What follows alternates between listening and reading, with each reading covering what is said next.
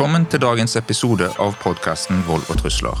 Og Dagens tema er håndtering av vold og trusler. Mitt navn er Helge Andreas Notland, rådgiver ved HR Konsern. Og med meg i dag har jeg Neil Laughter, som er spesialrådgiver ved HR Konsern. Jenny Rømo, som er barnehagelærer og hovedverneombud fra Byråd for barnehage, skole og idrett. Tarjei Kristiansen, enhetsleder psykisk helse. Og Hildur Sveinsdottir, avdelingsleder ved Fyllingsdalen behandlingssenter. Velkommen. Vi kan forebygge for å være bedre rusta til å imøtekomme episoder med aggresjon, vold og trusler på en god måte. Men likevel er det ikke mulig å forebygge alt. I denne episoden skal vi snakke om hvordan vi best mulig kan håndtere det når det er eventuelle hendelser som oppstår. I sånne hendelser der det er en vanskelig situasjon som eskalerer, i forhold til aggresjon og stress, så vil handlingsrommet kunne minkes etter hvert som den utvikler seg. Derfor blir det ofte en, gjerne en tilspissa situasjon, og det er viktig å vite hva man kan gjøre, hva man kan se etter, og hvordan man kan håndtere det dersom det eskalerer. Og I slike situasjoner er det ikke alltid så lett å improvisere, og derfor må man ha en god plan og være godt forberedt. Og Neil, hva tror du er den beste håndteringen? Jo, Den beste håndteringen er egentlig eh, all den forebyggingen vi allerede har gjort. For da stanser vi fra starten den utviklingen som fører til trusler eller en voldshendelse. Og videre, eh, vi har forberedt oss, vi har tiltakene klare, de, de, er, de er, aktive. Og da, da, håndterer vi ting bedre når det først oppstår. Hvilke faresignaler er det vi ser etter? Eh, hvordan kan vi egentlig håndtere vold og trusler på en god måte? Nei, som Neil sier, sant, Mye av dette ligger i den forebyggingen og kartleggingen vi har gjort i utgangspunktet. Eh, og så står man der, og så ser man etter disse faresignalene. Um, det er jo situasjonsbestemt, sant? men at man ser på atferden til de menneskene man møter. Eh, man leser kroppsspråk, man ser i forhold til språkbruk Snakker de veldig høyt eh, eller veldig fort, eller er man mer avslappet? og At man på den måten kan få mer informasjon. Mm. Mm. Jenny, altså I barnehage så har en jo gjerne flere unger rundt seg hele veien. sant? Og mm Eh, det er gjerne ikke så lett å, å, å få oversikten hele, eh, hele tida hvis det er noe som skjer veldig fort. Mm. Ja, eh, det, det, stemmer. Og det er jo utfordrende fordi det skjer så fort. For små barn har jo umodne hjerner, sånn at de de har ikke den reguleringen som, eh, som Den kommer jo på plass etter hvert. Sånn at eh, barn bruker hele seg sjøl med følelsesregisteret og er veldig kroppslige òg. Sånn at eh, det, er, det, er, kjempeutfordrende. Det er det. Eh, og eh, på skole, for eksempel, sånn, som vi ser eh, som har utfordringer med, med vold og trusler, så er det veldig eh, krevende fordi at eh, det er så mange hensyn å ivareta, egentlig. Mm. Mm. Dette her er jo gjerne brukere som en kjenner godt, for å bruke mm. det begrepet. Uh, tar jeg fra ditt perspektiv, uh, av og til så kommer dere gjerne òg i, i, situasjoner der det er uh, brukere dere ikke kjenner så godt, sant? eller at det kommer inn Eh, gjerne vikarer, nye ansatte. Eh, hva gjør en i de situasjonene der en ikke kjenner eh, brukerne så godt ifra før? Hvordan kan en da stå i situasjonen? Ja, og det optimale er jo sånn som du sier at vi faktisk kjenner de og har brukt liksom god tid på kartlegge og risikovurdere og de tingene vi har vært inne på. Men vi kan møte noen helt nye. De kan stå på døra der vi gir tjenester. Eh, og vi kjenner ikke historikken, vi vet ikke alle signalene. Eh, så det, det, er krevende situasjoner. Men det, er der vi måtte, må være gode på å bruke oss sjøl. Eh, og ha med oss kursing i bunnen og erfaring fra kollegaer og, og egne erfaringer til å vite hva vi skal se etter. Og det er litt det vi har vært inne på allerede. Sant? Virker de ruspåvirka? Eh, høyt stressnivå? Eh, stemmebruk og de tingene der. Så, Så er det mye av det samme, bare at vi må på en måte være enda bedre på det. Og så må vi være litt sånn nysgjerrig på hvorfor møte denne atferden oss. Hva følelser er det vi ser her nå eh, hos noen vi ikke kjenner. Mm. Hildur, eh, du som kommer fra helse. Eh, kjenner du deg igjen i det som Tarjei her nevner? Absolutt. Sant? Og dette med å bruke seg sjøl som verktøy, altså, da vet jeg hva jeg har, mm. og hvordan jeg kan påvirke ved å bruke meg sjøl i møte med de ukjente faktorene. Mm. Og når man ennå ikke har kommet i posisjon for å bli kjent. Um, sant? Og jeg kjenner meg igjen i dette du sier igjen i forhold til sant? følelser og følelsesuttrykk, og at man tolker det, altså den atferden eller disse følelsene, som at de prøver å kommunisere noe. Eh, og at det går på tvers av alder og som et livsløp. Mm. At vi kommuniserer gjennom følelsene våre. Mm. Og at vi da må møte de på det. Mm. Jeg vet òg at dere bruker en metode som heter Martemeo. Mm. Kan du si litt om det, eh, og hvordan du kan bruke det som et mer systematisk mm. virkemiddel? Det er jo i utgangspunktet et verktøy vi har som handler om miljøterapi, og det å møte pasientene og, og leite etter hva de har behov for. Men så ser jeg jo at opp mot vold og trusler så er det òg et godt verktøy, eh, nettopp fordi at vi bruker oss sjøl. Eh, I forhold til å speile følelsene, og i forhold til i imøtekomme pasientene, brukerne, og barna, hva det nå er. Sant? Og at det handler om relasjoner og kommunikasjon. Mm. Sant? Og da bruker man jo Eh, språket og kommunikasjon som dempende teknikker opp mot den man møter. Mm. Mm. Ja, jeg hadde bare lyst til å eh, fortsette litt på det som Hildur sier nå. Sånn, for det, det, er jo viktig for eh, alle barn, som er de som jeg mest eh, kjenner fra, fra, fra, mitt yrke, å bli sett og hørt og forstått. Og det gjelder jo egentlig alle, alle mennesker. Mm. Eh, så da å møte mennesker mer på følelser enn på atferd, tror jeg òg kan være dempende. Mm. Mm. Og igjen dette med altså bruke oss sjøl som verktøy. Sant? Eh, når vi da blir bevisst vårt eget kroppsspråk og hvordan vi kommuniserer, eh, og at man bruker dette opp mot potensielt voldelige og truende situasjoner som en dempende strategi. Mm. Mm. Legger merke til dette uttrykket å bruke seg sjøl, bruke seg som verktøy. Det er sikkert eh, interessant for mange som, som hører på denne podkasten. Hva betyr det egentlig? Jeg vil høre litt mer om det. ja, um, for eksempel altså hvis jeg går inn i en situasjon hvor jeg ikke vet hva som møter meg, eller kanskje vet jeg at dette er en potensielt truende situasjon. Så jobber jeg med mitt eget kroppsspråk, at jeg kan med vilje innta en ganske sånn ydmyk kroppsholdning for å ikke virke truende. Eh, fordi at vedkommende skal ha med å gjøre, er kanskje i affekt, eller kanskje redd. Eh, så det er viktig at jeg ikke bidrar til å øke den redselen ved å virke truende. Eh, min stemmebruk og språkbruk kan ha veldig mye å si, at man unngår å si nei selv om altså, man kan grensesette eller stoppe noe uten å si nei. Uten å heve stemmen, og at det kan være deeskalerende i seg sjøl. Ja, plassering i rommet, om jeg går rett mot vedkommende, som oppfattes ganske truende hvis man kommer tett på, eller inn i vår, vår sfære. Sånn at man heller kommer inn fra siden. Uh, at man jobber for å oppnå øyenhøyde at hvis det er et barn man skal møte, så setter man seg ned, sånn at man ikke står mm. truende over. Eh, er det en sykehjemspasient i rullestol eller ligger i en seng, så går jeg ned på kne ved siden mm. av. Mm. Um, og så ivaretar man sikkerheten min ved at jeg er på siden og ikke rett foran, men òg at det deeskalerer ved at jeg er ikke truende der jeg sitter ved siden av. Mm. Dette med sånn nivåforskjeller og Eh, sånn er vel gjerne noe som dere kjenner godt til fra mm. barnehage og skole. Mm. Jenny? Absolutt.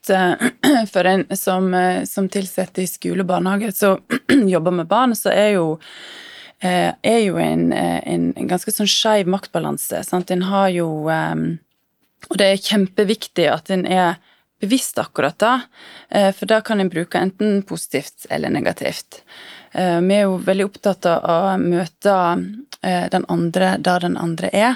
Så det er jo litt da som Hildur snakker om, at en på en måte ja, møter den andre Altså at vi setter oss ned da og ser den andre i, i øynene, og når en snakker med barn.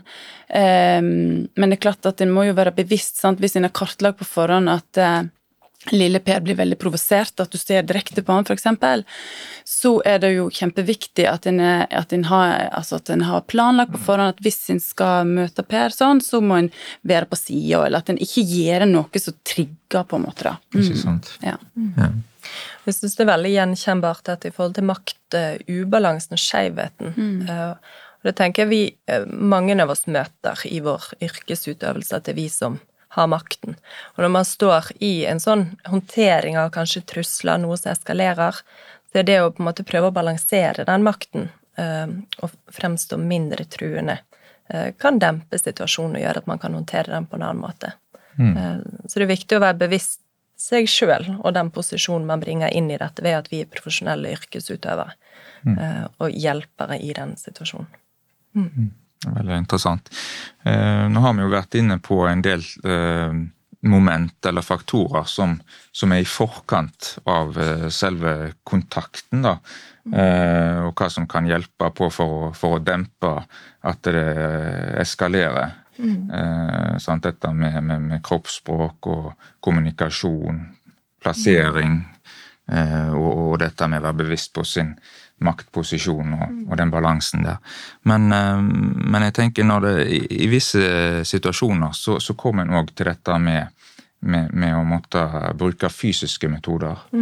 Eh, og frigjøringsteknikker, kanskje. Eh, jeg vet at dere jobber mye med det, Hilde. og eh, Kan du fortelle litt mer om, om det? Det kan jeg. Eh, Det er jo når man kommer i fysiske situasjoner hvor det handler om nødverge og nødrett, at man må forsvare sitt eget liv, unngå skade på seg sjøl eller andre, det kan være medpasienter, andre barn i barnehage, eh, og at man da er nødt til å agere på nødverge, nødrett. Sant? Og eh, så vil vi gjøre dette på en så skånsom måte som mulig. En terapeutisk mestring av dette. For det handler ikke om selvforsvar eller kampsport, men at man må gripe inn. Man kanskje må skille to brukere fra hverandre, eller komme seg løs. Eh, Så det jobber vi mye med. Eh, Det er jo noe som krever, sånn, det krever kursing, man må øve og holde det varmt. fordi at hvis man skal utøve noe sånt, så må man vite hva man gjør, for at det gjøres på en trygg måte. Jeg tenker jo det, det er sikkert en stor forskjell å, å jobbe eh, der du kommer fra, sant? i helse, gjerne kontra barnehage, eh, skole. Jenny, K, hva tenker du om den forskjellen der? Ja, ehm, nei, altså hvis jeg skal ta barnehage, sånn, så er det jo eh, kanskje de yngste barna eh, kan vi på en måte ta under armen og fjerne de fra situasjonen, ta de vekk fra barnegruppa, sånn at en har noen sånne rutiner på det. Men når eh, de begynner å gå over skolen, og kanskje til og med de eldste ungene i barnehagen, og de som går over skolen og blir elever på barne- og ungdomsskole, så, så har en jo ikke den muligheten. Og det er ganske utfordrende. Men vi må tilpasse det til brukergruppa. sant? Sånn at eh, dette er jo ikke noe som er helt sånn, jeg har noe fasit på i, eh, i den byrådsavdelingen som jeg eh, kommer fra. Mm. Til og med innenfor brukergrupper så er det veldig store variasjoner individuelt. Ja, sett. absolutt. sant? Og vi har jo forskjellige typer skoler. sant? En har jo, eh, I Bergen kommune har vi jo de forsterka avdelingene sant? Og, og spesialskole. Og, så det kommer jo helt an på. Ja. Mm. Så god kartlegging er ja, viktig. er veldig viktig. Mm. Neil, hva sier du eh, i forhold til dette med bruk av, av fysiske metoder? Har du gjort deg noen tanker om det? Ja, eh, vi, vi har eh, en sånn felles veileder på, på håndtering. da. Og i, i det så er det nevnt, og det, det er nevnt ganske kort egentlig, men poeng, poenget vi har trukket fram, er at det skal kunne brukes fysiske metoder. De skal være sånn som man øver på dem, som vi har snakket om flere ganger nå, at man, man er trygge på å bruke dem. Men også det er dette med, med tvang. Eh, tvang er strengt regulert. Eh, det er kun eh, til bruk i bestemte situasjoner, i bestemte tjenester. Og da er det viktig at det, det er forstått at dette er ikke noe vi alle bruker. Det er kun noen få som bruker det i bestemte situasjoner. Og da er det lokalt eh, hvordan man eh, har, har lagt opp til det. Eh, jeg tenker det er viktig at det, det er presisert i, i denne podkasten. Så fysiske metoder, ja. Eh, men da er det de vi har øvd på og trent på i rett situasjon til rett tid. Mm. Jeg, jeg legger merke til dette med trening. Det, det ligger jo i forebyggingen, selvfølgelig, men, men det er et premiss for å kunne håndtere det godt. Det gjør at det blir bra når det blir brukt.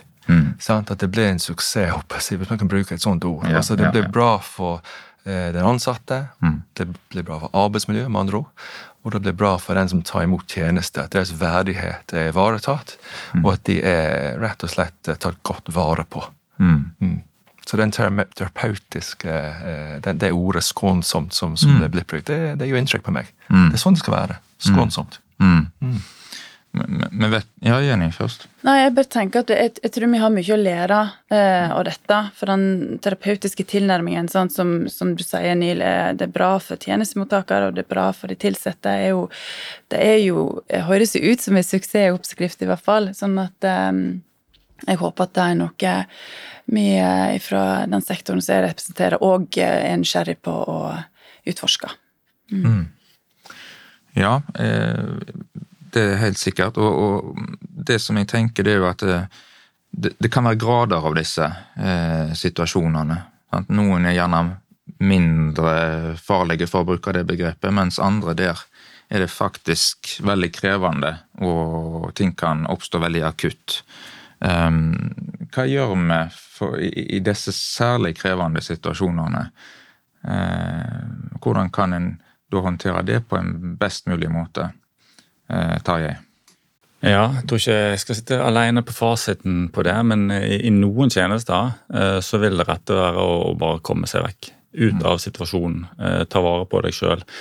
Eh, og det er jo òg noe som eh, er skrevet i veilederen som du har vært med og forfatter, Neil. Som du vil si litt om det?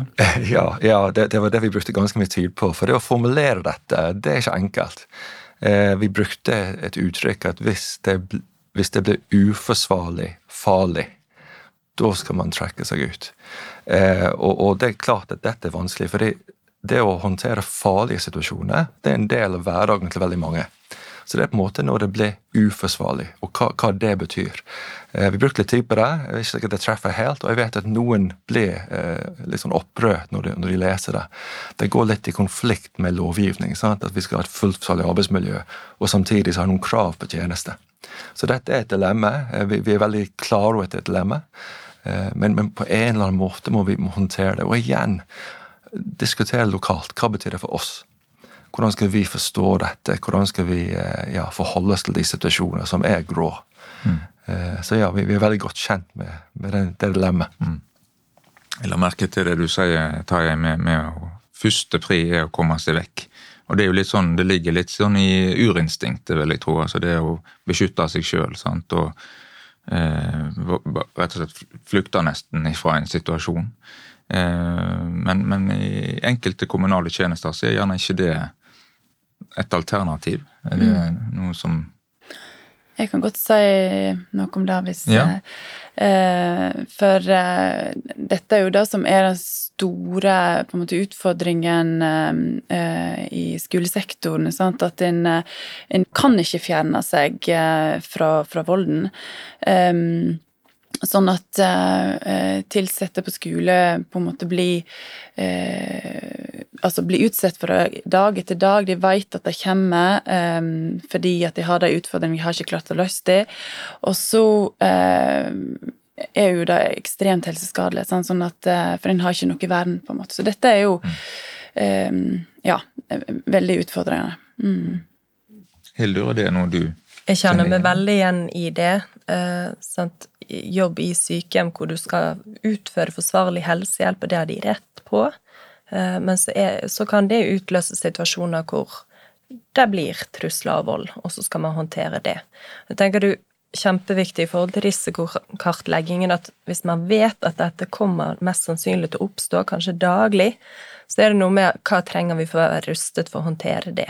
Mm. Sånn at eh, det er der man må jobbe. At man har de verktøyene for å kunne gå inn og gjøre dette til tryggest mulige situasjoner. Eh, ja. Jeg tenker på dette med å være rusta, det, det er jo egentlig et lederansvar. Eh, å kunne trygge på en måte medarbeiderne i å håndtere òg disse særlig vanskelige situasjonene. Eh, hva, hva, vil du fylle litt inn på det, Terje? Du kommer jo fra en lederposisjon òg. Ja, eh, og ansvaret på en måte leder har, er veldig sånn tydelig på, på eh, å være det i forkant. Altså vi snakka om i forhold til forebygging. Eh, og så er det òg enklere å se for seg leder sin rolle i oppfølgingen. I, I, håndteringen så er det litt Så er man kanskje ikke like delaktig. Litt som, for å bruke en idrettsmetafor, at man er gjerne trener. Man er coach, mm. manager. Eh, men man er ikke med i selve kampen. Man kan gjøre forberedelsene, legge taktikken, ha en strategi eh, trent. Eh, men i kampen så er man som leder og trener ikke delaktig. Men i pausen, etter kampen, så, så er vi mer påkobla. Så, så, de ansatte står jo eh, mer alene i mange av de her håndteringssituasjonene. Da. Eh, og da er det jo det er viktig at de, de vet at vi er der i, eh, som ledere og, og kollegaer. Eh, I, at man kan ta kontakt dersom man har opplevd noe. Og, at den, den oppfølgingsbiten blir jo viktigere da, mm. for, for, en leder. Det handler om å bygge et, et, lag som funker godt sammen, rett og slett. Det, det kan sammenlignes med, med, lagbygging, det vi holder mm. på med på den enkelte arbeidsplass. Ja. Mm. mm. Veldig bra. Det er en dimensjon vi, vi, bør komme innom, og det er dette med at um, vi er mange i Bergen kommune. Alle jobber ikke ett sted under et tak. Noen er utendørs, noen, noen eh, beveger seg mellom boliger, altså hjemmesykepleier, hjemme hos uh, bruker. Uh, vi må huske på at det er andre omstendigheter, litt andre utfordringer, og andre muligheter for å håndtere. Uh, der kan man lettere trekke seg ut, kanskje. Eh, vi har òg eh, vært å nevne våpeninstruks, eh, som er tilgjengelig i kvalitetssystemet. Som er skrevet nettopp i forhold til hvordan man skal håndtere situasjoner der man kommer hjem til, til bruket, og det er våpen som er synlig. Både våpen og, og, og, og hund som kan være truende, alt etter som. Men at man opplever en situasjon hvor det er en trussel. Og da har man kanskje lettere for å trekke seg vekk. Ja, Vi er en stor kommune, Nil, og, og vi har mye av og lære av hverandre. Uh, ikke minst har vi lært mye av dere her i dag. Um, og dette her med å håndtere hendelser som involverer vold og trusler, det, er, det, det, krever en del forhåndskunnskap. Og det krever god trening, har vi vært inne på. Uh, kontinuerlig trening. Mm. Eh, men uh, Neil, eh, jeg vil spørre deg, er det noe av det som har blitt nevnt eller blitt snakket om i, i denne episoden som har gjort særlig inntrykk på deg, og som mm. kan lære av og ta med oss videre? Ja, så absolutt. Um, å bruke seg sjøl som verktøy, det gjorde inntrykk på meg. Jeg tenker det er masse der som vi, vi kan ta med oss inn i hverdagen. Og, en annen ting, dette med den, den fysiske håndteringen, at det skal være skånsomt, det skal være terapeutisk. Eh, og på den måten er det bra for den ansatte, eh, og det er òg bra for den som tar imot tjeneste. Eh, jeg tenker det er vinn-vinn, akkurat det der. Mm. Og i denne håndteringen så er jo særlig leder, som har vært inne på, en sentral eh, funksjon for å trygge medarbeiderne eh, sørge for at det blir god opplæring, god trening, sånn at vi er i stand til å, å håndtere de situasjonene som oppstår. Eh, så leders ansvar det skjer egentlig både i forkant og i etterkant av eh, selve håndteringen. Og oppfølging det blir neste podkast-episode. Oppfølging av de ansatte eh, som har vært utsatt for en alvorlig voldshendelse eller en trussel. Hvordan eh, skal en som leder eh, agere på det? Eh, Hvilke lovkrav har en f.eks. eksempel å forholde seg til? Og hvordan kan en gjøre oss i stand til å bedre takle eventuelle hendelser som oppstår i neste omgang? Det er noe som vi skal se videre på i neste episode av Vold og trusler.